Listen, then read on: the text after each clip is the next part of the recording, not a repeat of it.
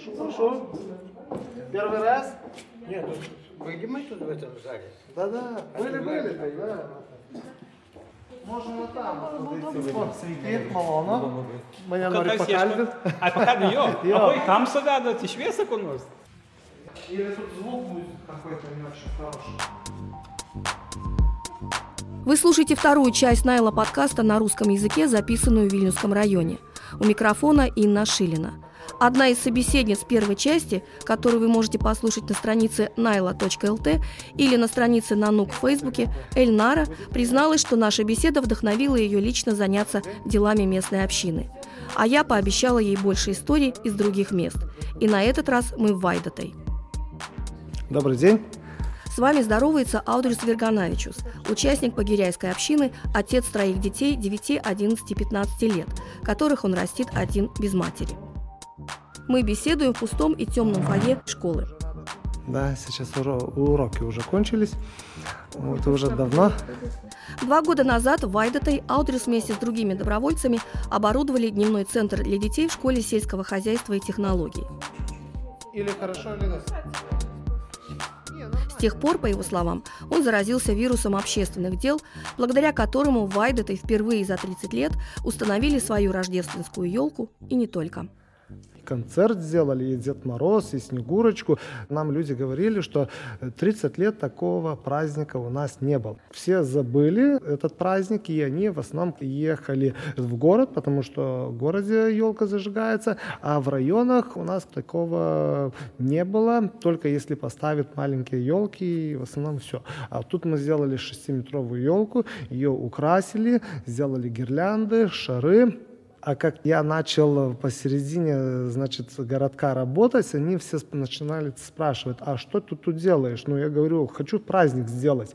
Они говорят, мы тебе поможем. Одни там лестницы принесли, другие помогли эти ветки складывать. И мы, считай, за два часа все сложились, нам где-то 20 людей вот так вот пришли, и дети. И вот этот вирус, то, что дружно работали. И Сейчас уже второй год мы делаем все праздник. В этом году Басарю Щищолик, это как будет? 16 февраля. Да, это значит непригласуемость Дена. Мы каждый год весим большой флаг 16-метровый на 100-метровой башне. Есть человек, который с документами лезет на эту башню, и он, значит, весит. Если подготовленный, с да, лицензией. да, да. И вот такие вот люди у нас появляются, помогают. Это сильнее должна работать с Э. Я так думаю, что она должна помогать. Флаг тоже надо пошить. Есть э, люди, которые шьют.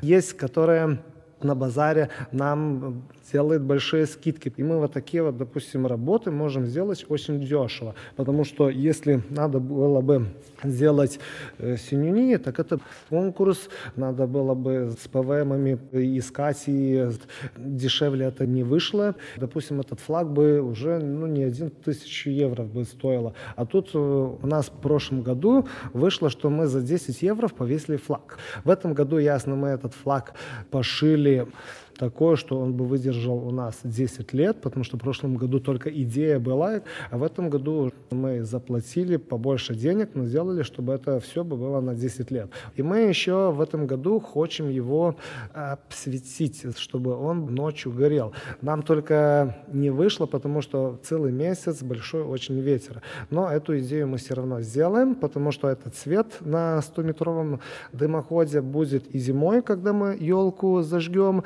и значит на эти вот все праздники. Когда бывают концерты, сами делаем супы. 50 литров супа, который потом всем делим. Мы идею говорим, что есть праздник, и на этом празднике хорошо бы было ну, сделать суп, потому что люди с костела придет, мы все равно вот пройдемся 300-400 метров, все замерзнет, и вот этот горячий суп им был бы как раз. И люди, они соглашаются, тоже вот 40-50 литров супа, которые ты в основном у себя дома не сделаешь. Всегда супы у нас бывают, или вот блины, э, совсем не так, как дома, потому что есть шеф-повара, которые вот работают в ресторане, Его последний суд был это Эльнена, из оленины. да. Где вы оленя взяли? Тоже человек имеет фирму, все это мясо, колбасы сам делает. Так вот, и эти все кости там с мясом, говорит, мы сделаем. На последний праздник это все равно около 200 людей собирает. Мало, но это уже много. Скажите, а вот люди, если у них появляется какая-то инициатива, есть помещение, где собраться?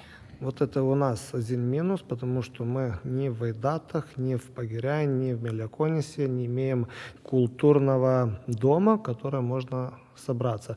У нас только есть 40 татар, которые сейчас 5 лет как построили свой культурный дом. Там где-то около 150, может 200 квадратов. Они нас приглашают, мы в гости едем, но там получается у них 400 людей в этих 40 татаров. Они имели землю, они сделали этот культурный дом, а у нас больше 3000 людей, и мы в основном не можем построить. Хоть сейчас в этом году когда выборы были, было э, вице-мерия мэр, приехавшая, так она говорила, что уже в этом году есть планы и начнет делать нам вот эти помещения. Мы сделали такие клубы. Есть люди пожилые, так мы их называем сеньорами. Их сейчас даже есть зарегистрировавших 40 людей. Даже сегодня вот они приехали. Когда нет помещений, мы идем в школу после уроков, это где-то в 5-6 часов, есть помещение, и директор всегда разрешает бесплатно, хоть они все говорят, ну, ясно, вы не платите ни за чистку, ни за теплоту, ни за там, что сломается, но, говорит, все равно какое-то есть движение в самом городке, потому что наши сеньоры, они садят цветы. У нас есть 400 э, метров дороги, которая есть центральная. И мы наставили на каждом столбе вазоны. В прошлом году их поливали, их садили. Есть кломбы, которые тоже составлены на каждом повороте. Там тоже цветы, их тоже надо поливать. Это много работы, считай, целый год, все лето, это надо ухаживать. Ясно, эта красота стоит, но они имеют время, и они этим занимаются. Ясно, и уборкой каждый год после весны все равно у нас мусора много, они тоже всегда присматривают, потому что когда человек имеет больше времени, он имеет глаза, значит, больше смотрит. Так вот, все вот нюансы, которые через окно видны, уже они всегда говорят, вот там что-то кто-то сделал. В других годах, я с старостой, вот как говорил, семьи, говорит, у нас и украли, и стоптали, и мы пробовали это делать, но нам не вышло. В прошлом году первый раз мы это все посадили, Ту-ту-ту, ни один цветок не был стоптан, потому что э, садили дети, э, садили сеньоры. Я сделал так, э, старался, чтобы каждый доложился к этой работе. Я говорю, что есть такая идея, чем вы можете помочь? Значит, они говорят, мы можем украсить их, чтобы бетон не виден был бы, чтобы краска желтая, зеленая, красная. Значит, все, хорошо. И вы можете там свои социальные часы это все сделать. К вам какие-то общественные деятели приезжают, политики, встречи какие-то происходят? Да. Как были выборы, у нас приезжают, это было Саусио Триликта. 13 января. Да. Мы сделали костер большой, и у нас, да, Оляка приехал. То есть у вас э, такой левый набор, да? Я бы не сказал, но в основном кто приезжает, тому и рады. Если хочет политики к нам приехать, они видят, что, допустим, есть какое-то движение, хочет поддержать, они хочет поговорить. А приезжают? Не очень, но это вот говорю за то, что они начали сейчас слышать, что у нас есть э, движение. Когда-то 20-30 лет назад это, этого не было, ну, может, 20 лет назад. Сейчас, как мы начинаем праздновать каждый праздник, у нас собирается людей, мы делаем мини-концерт, и тогда получается и акустика, и красиво, и те люди, которые приходят послушать, получается очень приятно. А спортом у вас занимаются? Я не говорю профессиональным. Футбольная команда есть? Нет, сейчас уже нет. А стадион есть какой-то? У нас вот плохо, что много земли выкуплено, и есть люди давным-давно, вот этих вот 20 лет, когда пере, переформировка, значит, шла, они вокруг вокруг этих районов, даже вот где стоит э, многоэтажка, считай 10 метров от него вся земля уже выкуплена. Не пройти, не косить траву, никто их не присматривает. А семьи она как и не должна. И это один минус есть, потому что ни подъезда, ни въезда мы ничего не можем сделать. Стадионы ты должен все равно убирать, косить. Ты должен с человеком уже говорить. Он автоматически или чего-то хочет, какой-то пользы, хоть ну, сам не убирает. Если мы хотим даже вот в этом году сделать тренировочные какие-то турники или там волейболы, уже ищем земли, которые принадлежат властью, это вот Синюни. А с частниками уже труднее, потому что он должен иметь пользу.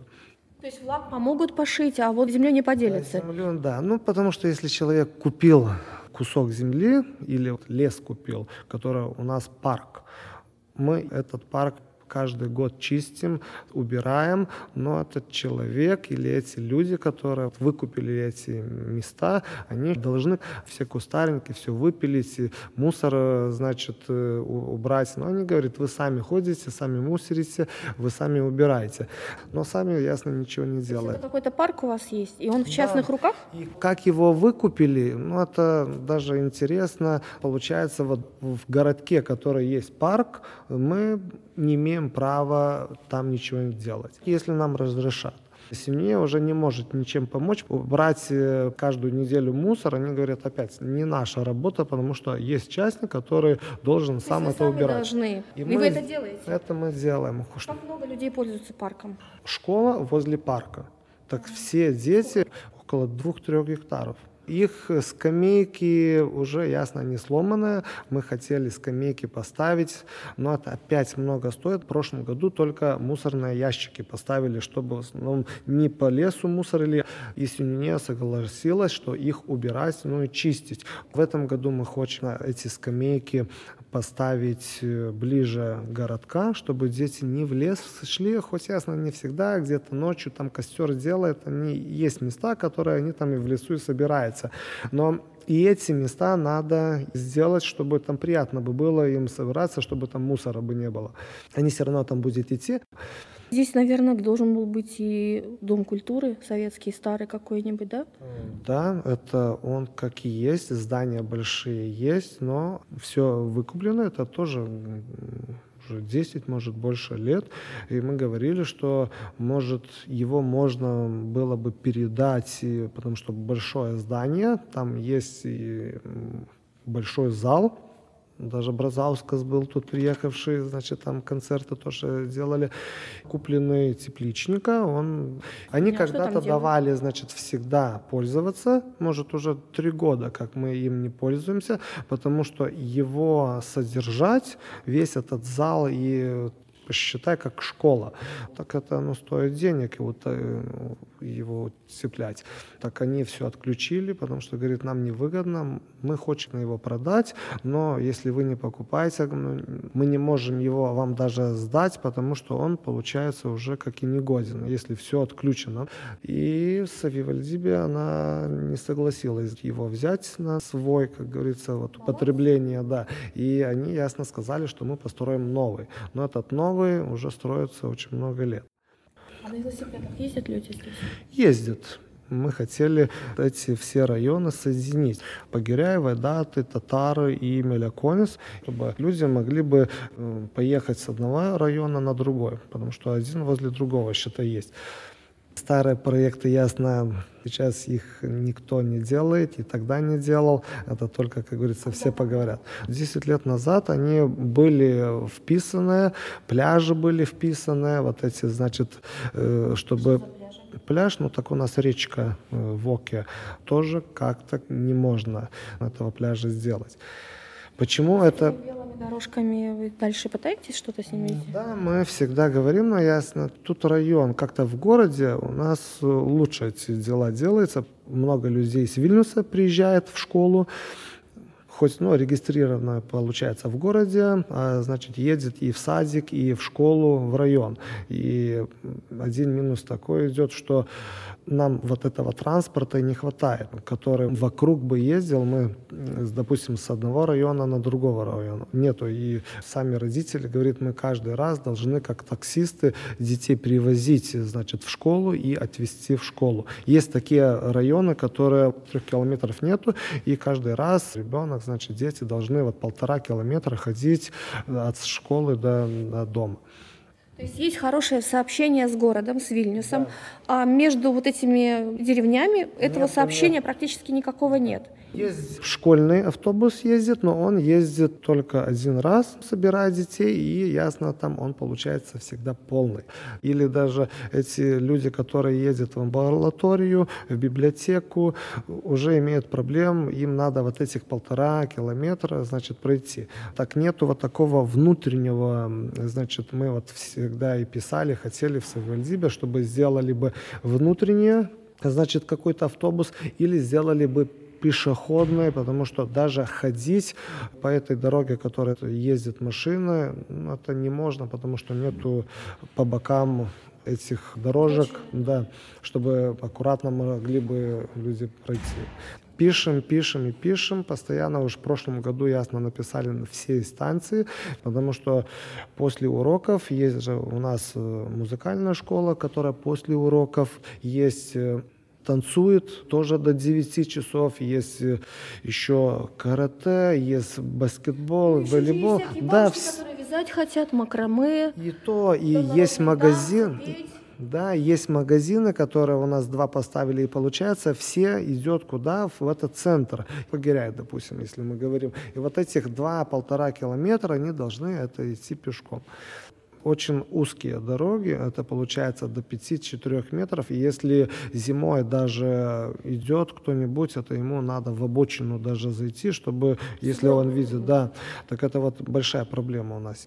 Летом с велосипедом, ясно, можно ехать, потому что можно по лесам ездить, есть дорожки. Но это опять, это в основном должны, как и вот в всех других районах, они должны быть специально сделаны, чтобы люди могли бы и ходить, и с велосипедами ездить. Получается, только с машинами ты можешь э, ехать. Уже вот с велосипедами надо все осторожно. Люди боятся, потому что мы всегда видим, что и полиция приезжает, и, ну, бывает таких вещей, что, значит, нечаянно где-то зацепляет. То есть были несчастные да, случаи, да, да? да? Вот насчет вот этого, так уже люди как-то да и не стараются где-то идти, а стараются в одном месте уже быть. А скажите, а чем вы в жизни еще занимаетесь? Я работаю с металлами. Делаю с металла котлы, шашлычницы, их на базаре продаем. Есть тут базар, если вы знаете, это Горюна, есть Рудомина, есть другие базары. В прошлом году обновили базар у нас было место, базарное место на районе, вот только она была как и закрытая, потому что когда-то она работала, там лабдара, цветочки какие-то, продавали ясно и, и картошку. И, говорю, все равно надо обновить, чтобы и продавалась бы все молочные продукты, мясные продукты, это получается как на чистом нормальном базаре. В роддоме я, значит, на базаре прошелся и переговорил с этими торговцами и говорю, приезжайте к нам на район. Последний раз, когда было Казимира, мы их пригласили, они приехали, им понравилось, потому что много людей, и они приходят покупать. Есть с хлебом, с мясом, две фирмы приезжают, рыбу сразу копчит и, значит, продает. И с Польши много тоже вот приезжает э, всяких, ну, он дешевле получается. Родители ваши еще живы? Да. Что-то рассказывают, сравнивают, как было, как сейчас? Нет, так мне надо родителям. Я как общаюсь со всеми, так они всегда все говорят, вот, допустим, как э, у нас в городке жизнь поменялась, вот 20 лет было назад при Советов, значит, когда вот комбинат работал, значит, он сильный был, и как сейчас. Вот. Что говорят? Ну, то, что 20 лет было затишье.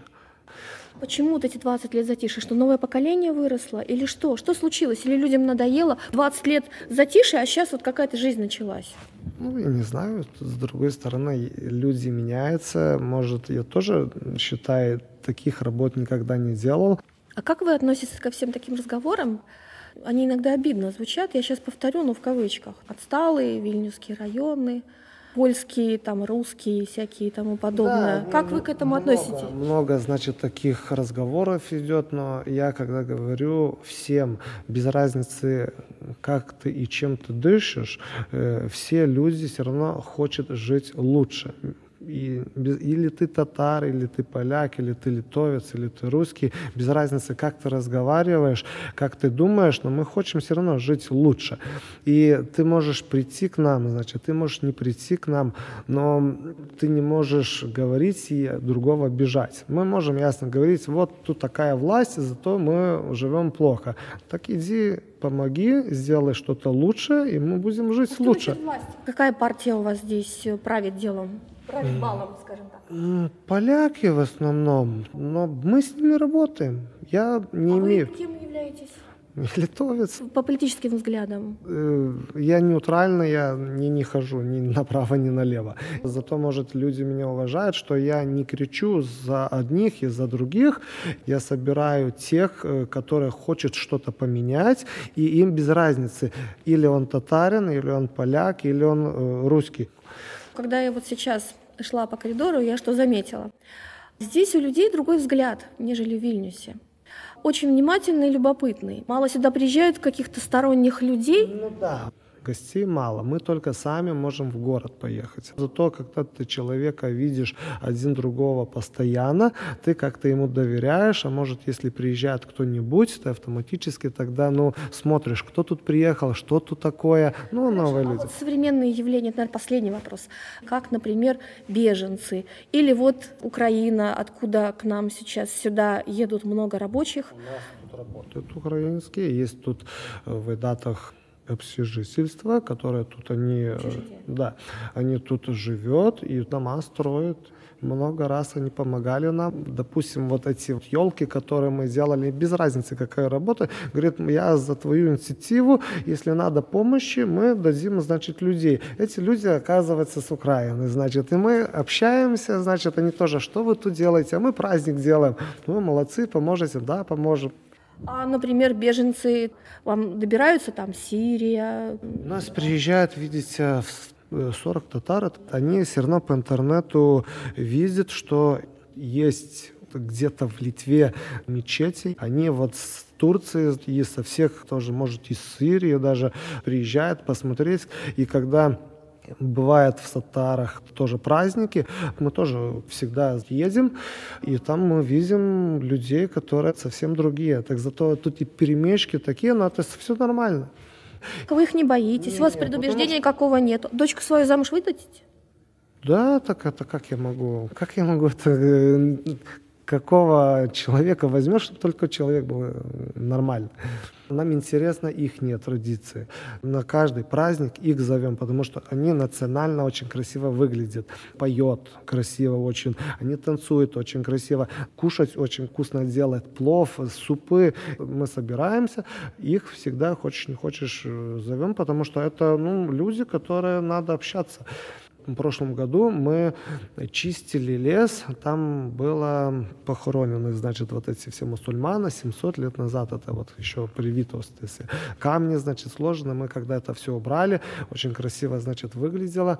Наши вот люди, вот вайдатские, погиряйские, с Меликониса, собрались большая компания с машинами, с пилами, это все убрали, почистили. Было очень интересно, когда они разговаривают совсем по-другому, по-другому и одеты, и женщины совсем другие. Наши дети, они потом равны. Так мы-то, говорит, видели вот все то же самое в Турции, когда отдыхали, тут все то же самое. Можно я попытаюсь вас сфотографировать возле этого цветочка? Можно.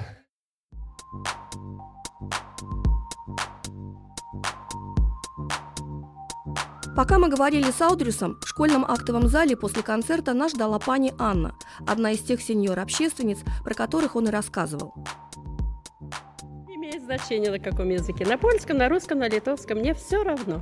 На английском еще не заговорили? Не, не еще. Финский учу. Зачем? Дочка там уехала. Вы эмиграцию? Ну, уехала работать, работает уже. Что делает? Ну, она сейчас э, работала разные работы, сейчас учится Где? финский язык. Оба они, и муж и она, учатся они там. Дети есть? Дети трое здесь остались, а с маленьким 13 лет уехала туда.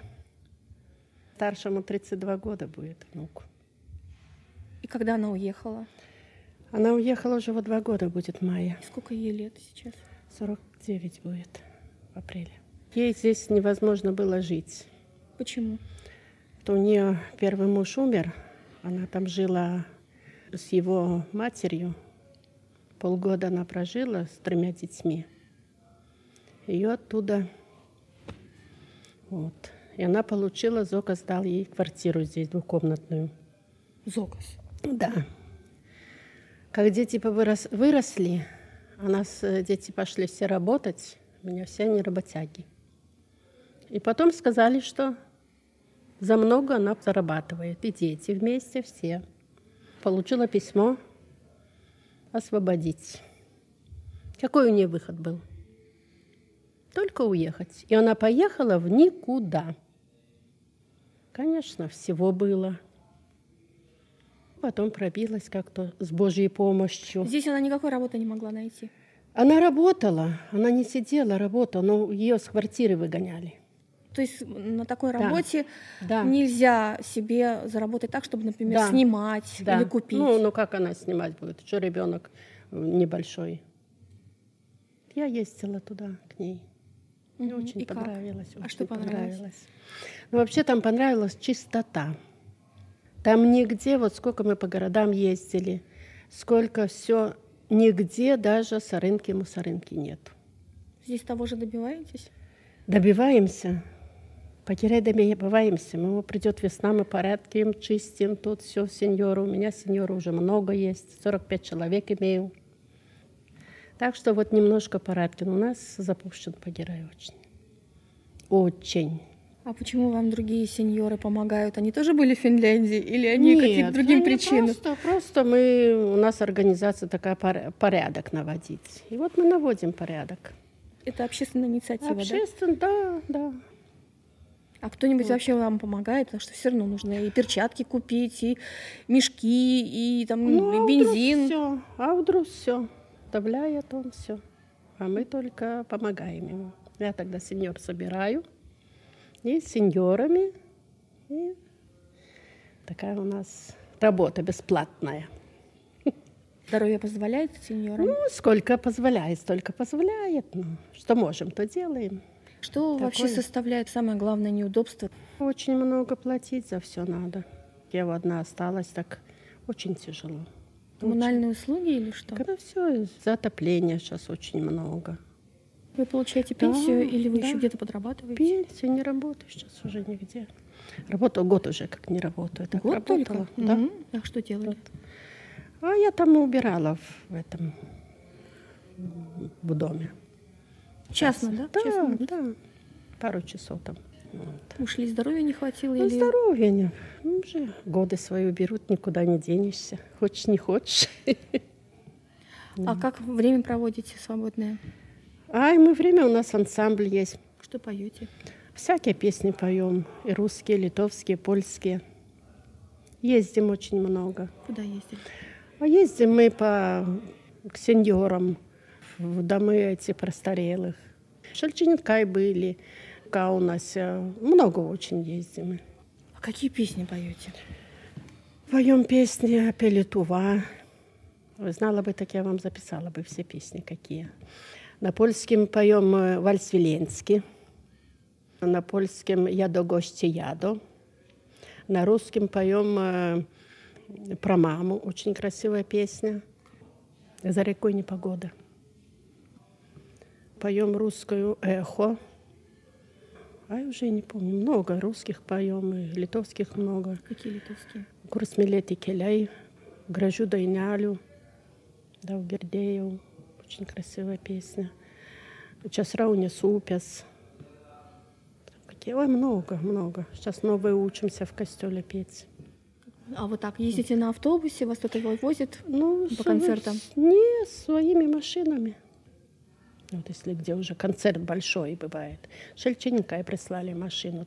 Приезжаете, общаетесь с людьми там? Ну, а как же? Чай пьете вместе? Ну не, ну как там будешь с ними пить? Там есть, которые в колясках сидят, все. Мы отпели и спасибо ли, и мы уехали. Ну так какое-то общение происходит Ну всё-таки? да, как же. Они приходят, э, мы один раз, э, где мы были, Антавиляй, то, боже, эти старики хватают за руки, целуют, ой, спасибо, благодарны такие. Некоторые плачут. Я имею написавши такое стихотворение про маму. То я как прочитаю это стихотворение, а потом поем эту песню про маму. Все плачут, это ужас. Одинокими себя чувствуют очень. Ну, то, конечно, конечно. За что мы едем? Чтобы их немножко поддержать, чтобы им энергию как-то дать. Все-таки мы с детьми, мы с семьей, все. Они же то одни бедные. Почему они остались одни? Ну, многие дети поуезжали. Кто их будет смотреть? Там тоже взять, тоже проблемы. Вот так вот дети сдают. И, а некоторые вообще не имеют семей. Немножко прибодрим. Вы стихи пишете? Да. На русском, я слышала, На да? русском и на польском. На литовском еще не умею писать. Что составить? Ну, собираюсь, если удастся. Есть такие одни стихи написаны, что сама плачу. Какие, про что? Там про жизнь. Почему жизнь такая жестокая? Ваша жизнь жестокая? Ну, как осталась одна без мужа, тогда скучно очень. Уже 13 лет, как нету его. А А общественная жизнь не помогает? Ну как, вот только одно спасение, что вот мы везде, везде я не сижу дома. Вот только это спасение. А так, если бы дома, это вообще. Ну, вы так выглядите и, све- и светло, и бодро. Поэтому Ну, так не вот так- подумаешь, что... Так, так и надо, но а как по-другому? По-другому ничего не получается. Говорил Аудриус как-то 20 лет затишье было, а вот сейчас как-то Да. жизнь стала более Да. активна. А как вы думаете, почему? Ну, потому что на- нашлись такие люди, что хотят немножко прибодрить э, эти, поднять погирая вверх. Ага. Все, все, хватит. Спасибо В следующий большое. раз, когда встретимся, больше поговорим.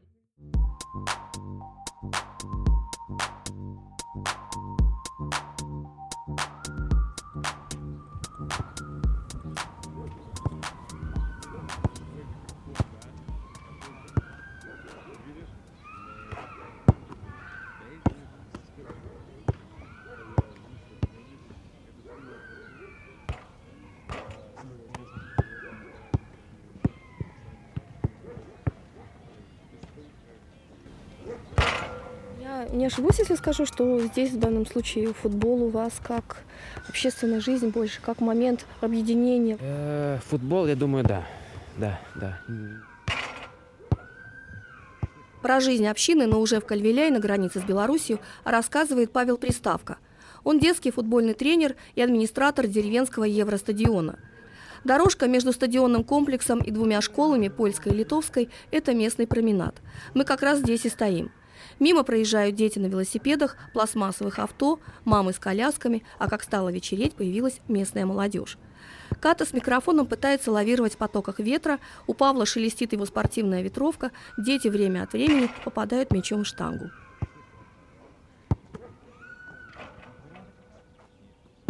Это считается у нас каймс. Вот. Ну, у нас, можно сказать, почти считается. Честь, Мишка. Давай на общее интервью к нам. Не chcешь? Стыдится. Шумск, он намного меньше, чем Кальвиляй. У них Нету таких объектов. Там стоит и Семисталис. А у нас Каймес пишется.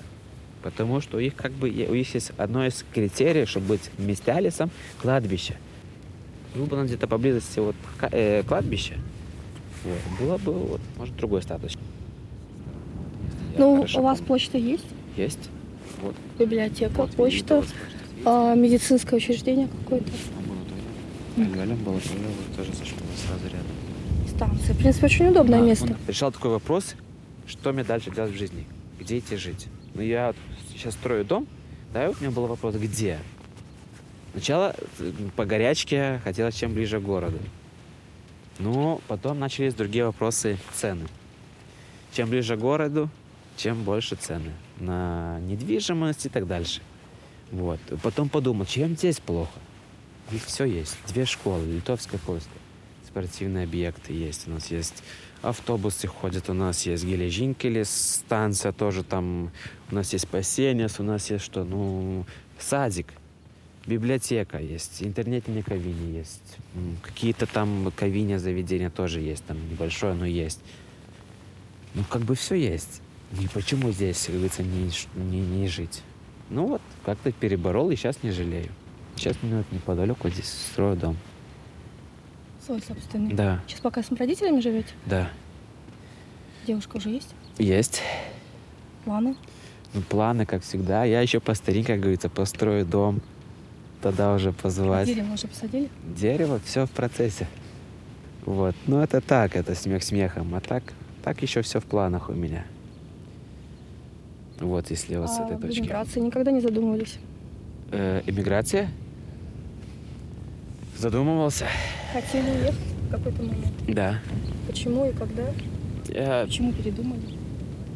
м, хотел уехать на заработки.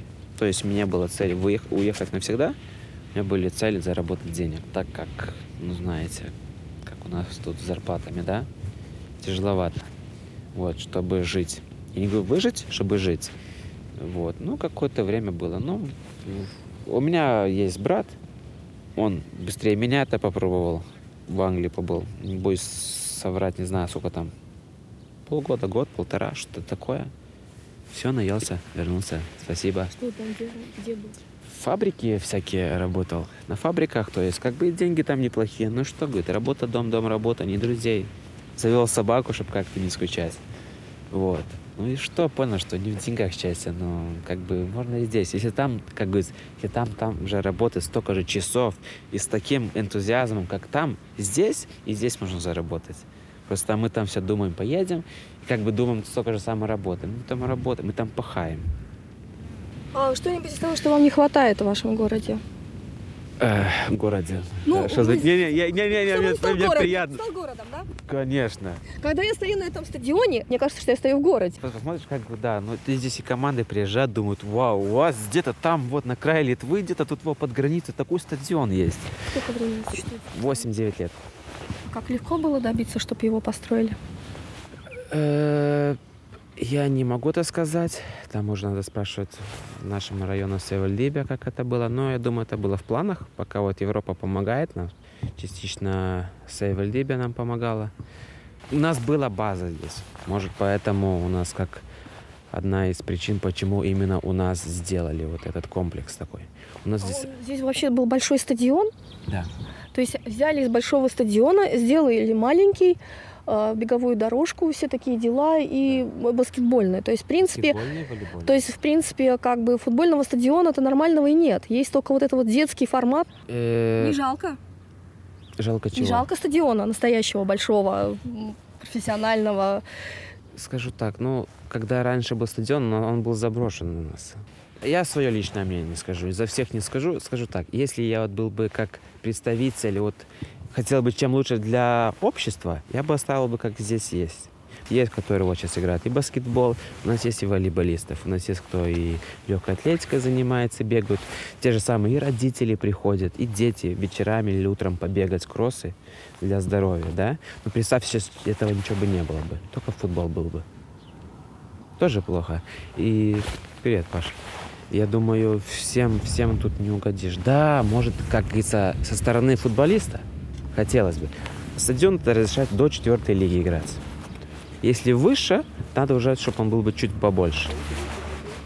Но если сделать чуть побольше, тогда не было бы ни беговых дорожек. Я думаю, здесь, ну, только вот эти вот остались сектора. Вот это уже максимально, что можно было бы выжить с этого, ну, по инфраструктуре, вот все, что есть. Вот. Я думаю, что выжили.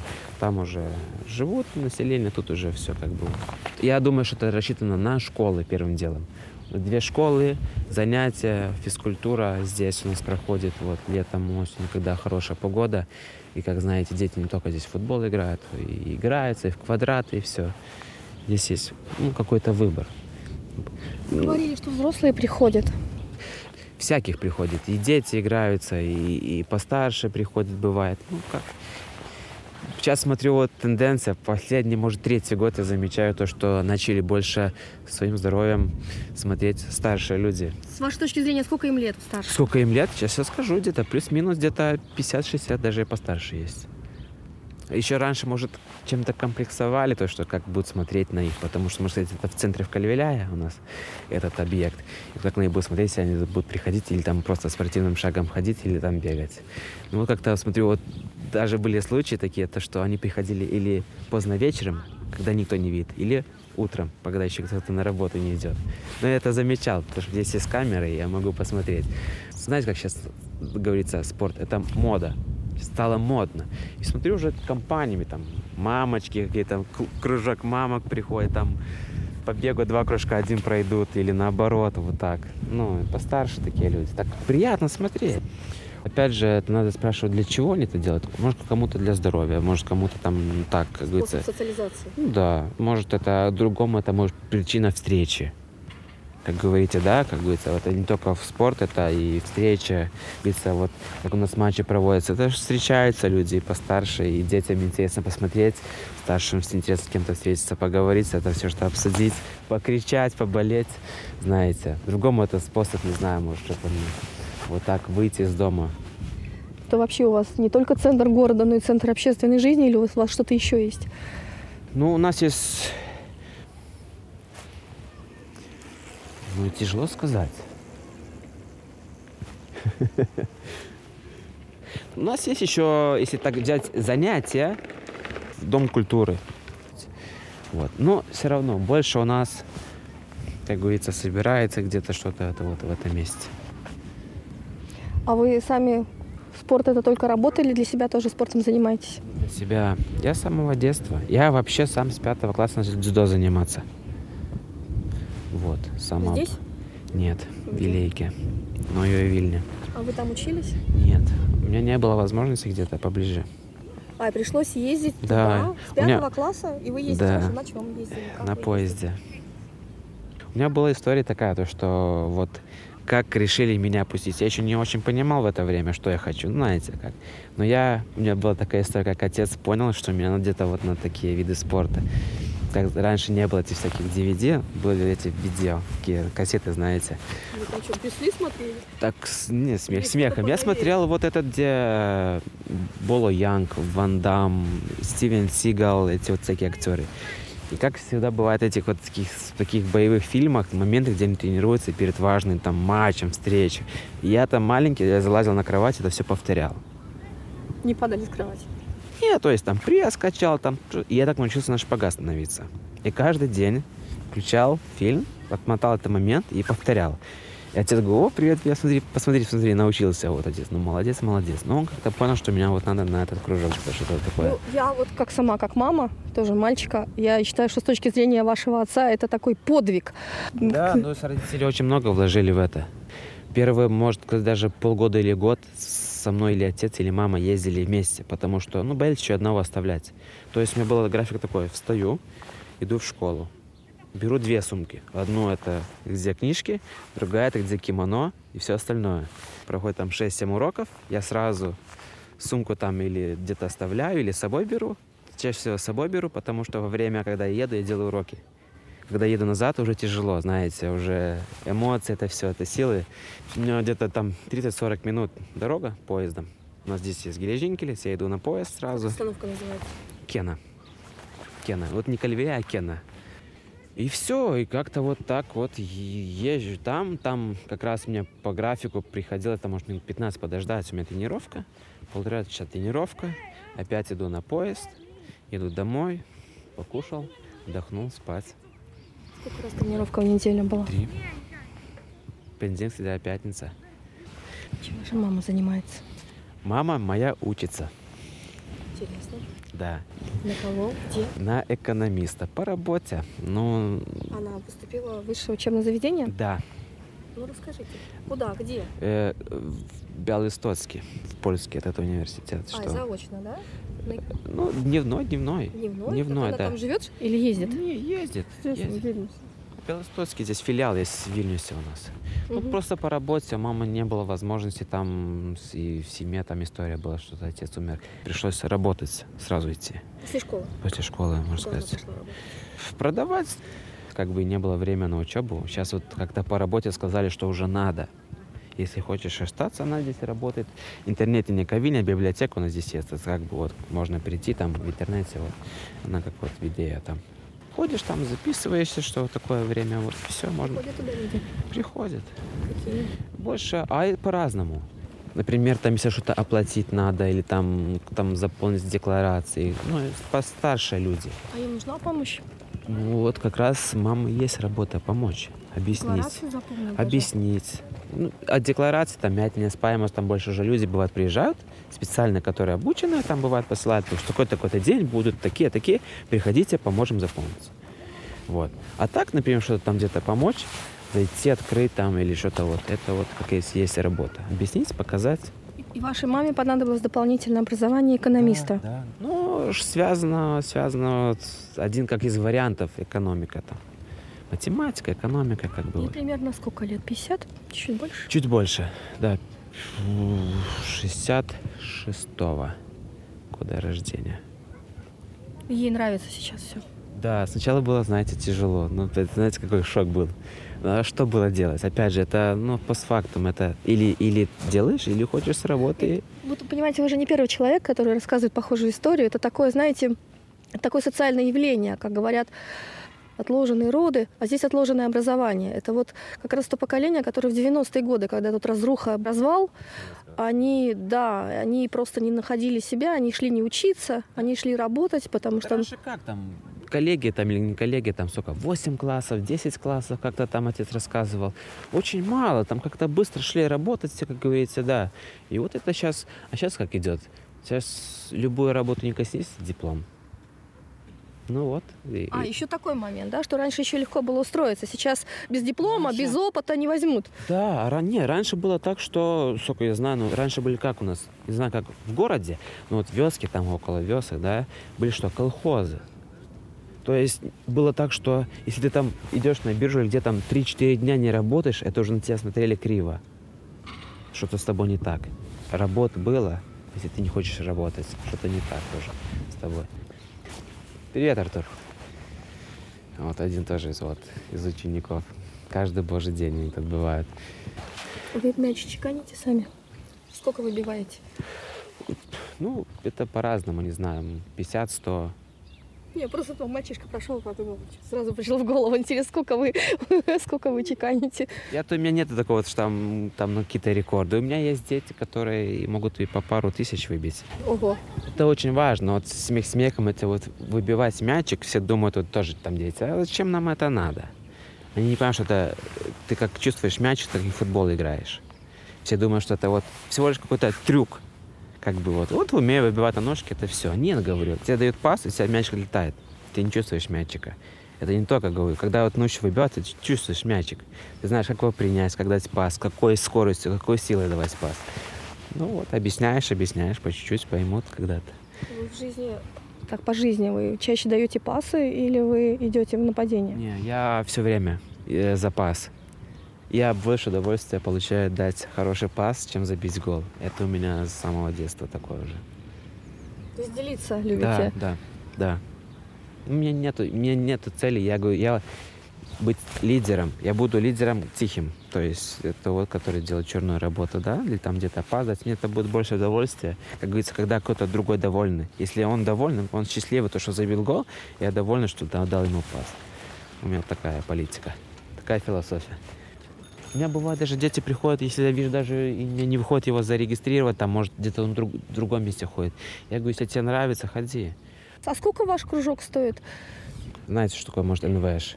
У нас есть такое понятие, как 15 евро в месяц. А, это я 10-15. знаю, да, да, да. Ну, Ну, это корзина неформ- это, да, не формалос. Неформалос vaikų У меня по такому принципу. То есть ребенок, который подписан на кружок, он у меня ходит бесплатно. Потому что если тут сделать платное, я даже одно время пробовал. Ну, очень тяжело. Со скольки начали? 12 евро. Я только полгода и все. Появилась эта программа, все довольны, родителям платить не надо, то есть какого-то там финансовой заботности такие. Вот, мне хорошо, мне как бы вот оплачивают, можно сказать, в это вот через Европу, там, как они там оплачивают. В общем, у нас как бы есть такая футбольная академия здесь в Кальвиляе. Плюс-минус от 6 и вот до самых взрослых. Я больше такой политики, чтобы здесь было бы какое-то движение. Я сам как вот, у меня была история, видите, я должен был ездить на поезд. Это было тяжело. Я вот сейчас даже вот это вспоминаю, и мне хочется, чтобы было чуть по-другому здесь. То есть, чтобы, чтобы это вот занятия, вот там дети там мы все где-то бегаем, что-то делаем, как говорится, вот, но чтобы чуть-чуть по-другому, так уже как-то вот самому даже приятно. Частично вот этот стадион, когда вот реновировали, то есть тоже это, это вот больше притягивает тогда вот, как говорится, уже и спортсмен ты не спортсмен, ну, тоже уже приходят. Хоть покидать, хоть там побегать чуть-чуть. Но человек уже двигается. Добрый вечер. А вот ваша мама, она литовский выучила? Умеет разговаривать, ну тоже бывает поправляешь так вот. Тяжеловато. Вы лучше говорите по-литовски, чем она, да? Ну, конечно, да. Я думаю, да. Думаю, да. Потому что ну, я так думаю, раньше, когда вот Советский Союз все равно это больше разговаривали по-русски там, частично там по-польски, может, там, где, в какой семье. У нас сама литовская школа, она тоже недавно. Ну, как это недавно? Я сейчас, опять же, боюсь это сказать, но она, я, как говорится, еще учился, да, в каком-то классе, кажется, она еще только начала строиться. То есть она тоже новая школа, можно сказать, у нас. И раньше только была польско-русская. Стала польская, вот. Здесь mm-hmm. уже вот... И вот дети, опять же, начали тогда уже у нас такая бегать уже кто-то с литовской, в польской. Все думали как. Ну и сейчас думают, я так думаю, что если пойду в литовскую школу, буду лучше говорить по-литовски. Но я думаю, это неправильно чуть-чуть, потому что все равно мы выходим со школы, что мы, у нас обстановка одинаковая. То есть у нас ничего не поменялось, да? Друзья те же самые, родители те же самые. Вот. Что мы получаем больше литовского в литовской школе? может, дополнительный урок литовского, может, какие-то там предметы, опять же. В польске тоже предметы там есть и по польских, и по литовских, то есть... Вот. И я думаю, такое мнение, что лучше пускай ребенок пойдет в польскую, и он будет знать еще один язык, чем будет литовский, но он же польского не выучит. Но литовский мы в Литве живем, и так и так его выучим. Раньше или позже мы его выучим. Мне тоже было тяжело как поехал в Каунас, там все по-литовски, анатомия, там биохимия, знаете, такие всякие предметы, что меня там крыша ехала уже. Но, ну, ну, Когда адаптировались? Полгода пришлось где-то так. То есть полностью эта обстановка, знаете, опять же, Вильнюс, собственно, взять и Каунас. Каунас там больше литовцев, таких уже коренелых, знаете. Вот, и было таких, ну, не раз даже скажу, если откровенно, такие предметы, как вот кто ты такой, что ты тут делаешь, ты же поляк, что ты тут делаешь, через свою Польшу. Сколько, четыре года учились в Канусе? Да. И дальше что стали делать? Дальше, дальше учиться пошел еще. Куда? В Рёмере здесь у нас Вильнюс. На кого? Европа Саюнгас политика администраемас. Уже закончили или еще учитесь? Магистратура, да, уже закончил. У меня уже и лет нормально. Уже как... Сколько вам? 31. Угу. Вот 24 закончил, но так уже как 7 лет. Пригодилось? Пока нет. Какие планы насчет на этого были? Ну, э, я планирую это потом соединить. Ну, как знаете, вот политика, спорт, у нас есть такие, да, как э, спортивный департамент, там еще что-то, да, связано. Ну, может, что-то такое буду. То есть вы хотите Когда... поменять работу? Пока нет. Я так говорю, я смотрю это на будущее. Я не могу сейчас сидеть, э, как говорится, в клетке, да, в четырех стенах и вот работать. Я не могу. Я, может, и мог бы, то есть меня где-то, можете принять, я не хочу. Мне нравится вот с детьми на турниры ездить, где-то что-то двигаться. Пока я это могу, знаете, ну потом здоровье, все может быть. Когда, может, не смогу уже и бегать нормально, и детям что-то там показывать. Вот. Может, тогда уже захочется, говорится, больше такую спокойную работу. Вот тогда может и пригодиться. Как бы так планирую. Вы в Литве здесь? Или у вас какая-то своя община? Вы чувствуете себя частью Литвы здесь, у границы с Белоруссией? Конечно. Вы Литва? Еще как. Вот именно как раз при границе мы чувствуем, что мы в Литве. Потому что 5 километров, и ты чувствуешь, что уже ты на границе между другой страной. То есть острее ощущаете? Это как раз острее ощущает, потому что у нас в бассейне у нас чаще провер... проверки. Проверки чего? людей или мы а что проверяют? Паспорт. Вот у нас есть время такое, например, вечерами. Вот если вы сейчас будете гулять, пойдете к машине, приедет как посинетица, допустим, да, и спра- спрашивают, пожалуйста, документы ваши. А если нет документов? У меня их нет. Тут есть у нас на- на- называемый КПЗ, на пару часиков посадят, проверят вас по данным каким-то. А это в приграничной зоне обязательно, Да. да? Может, пронесет? И потому вот такие моменты, я просто, я сам раз побывал, и я это могу сказать, тоже паспорт не имел с собой.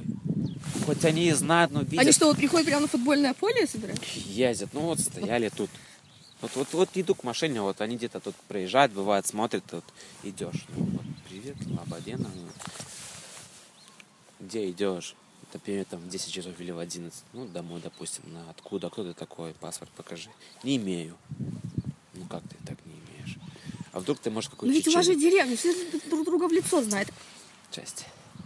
Я как бы так слышал одним слухом, что как бы именно давши такое указание, что как бы больше местных, если знаете, ну, не трогать.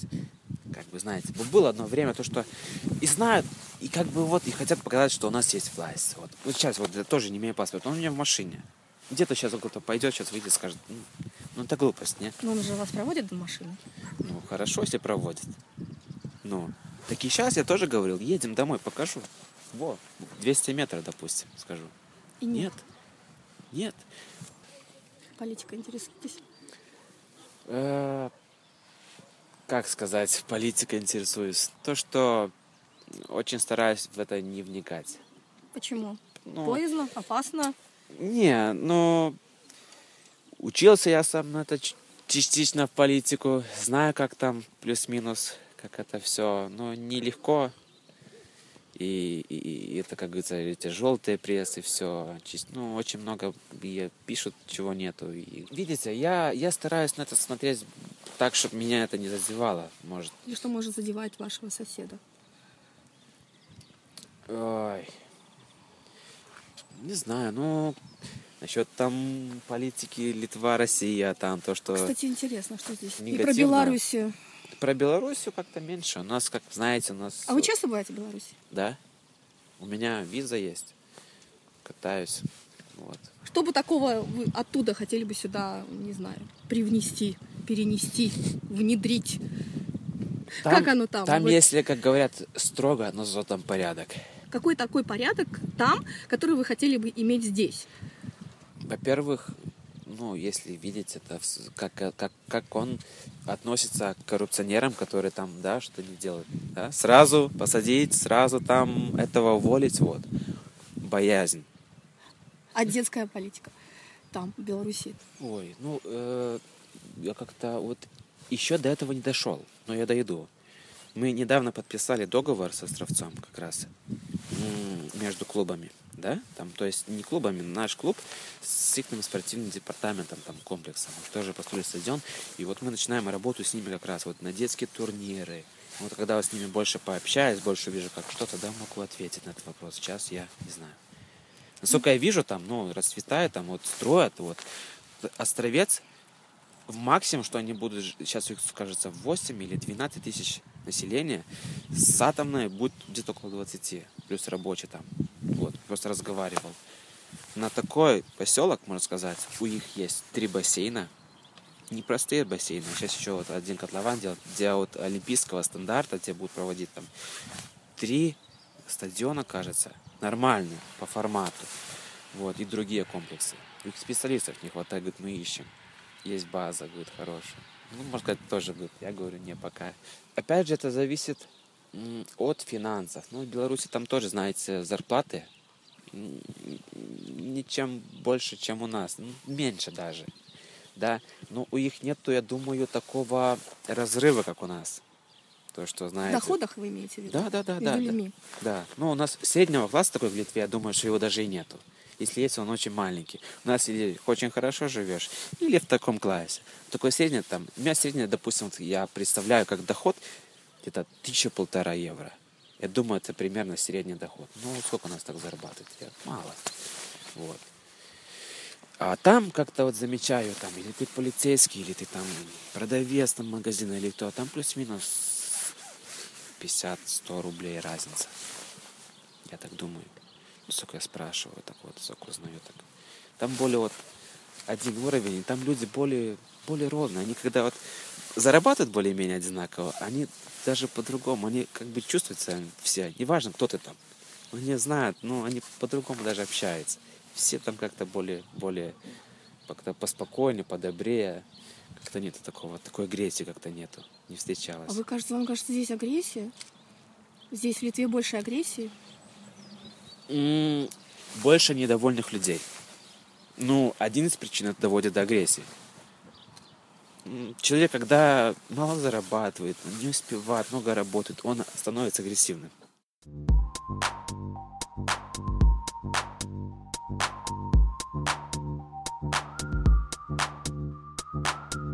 Павел родился в 1988 году, но запомнил вкус советского хлеба, за которым ездит Беларусь, и нас туда приглашает. Бываете в Беларуси? У меня Нет, такой я не была. А вот желаю съездить. А я с удовольствием. Насколько там вот качество. Ну вот у нас это все химия. Но я просто, я сам вожу домой, вот не по секрету, батон, хлеб, сахар, мука. Вожу. И это вот мне сразу вспоминается детство, Советский Союз, когда вот этот квадратный хлеб, знаете, может, помните такие, как называется, не Кирпичик знаю. такой. Кирпичики, да, вот эти вот. Я вожу кирпичики. Они еще по этой технологии, когда вот привозят еще горячее, только на прилавок, их в магазины так выложат, еще горячее бывает. Вкусно.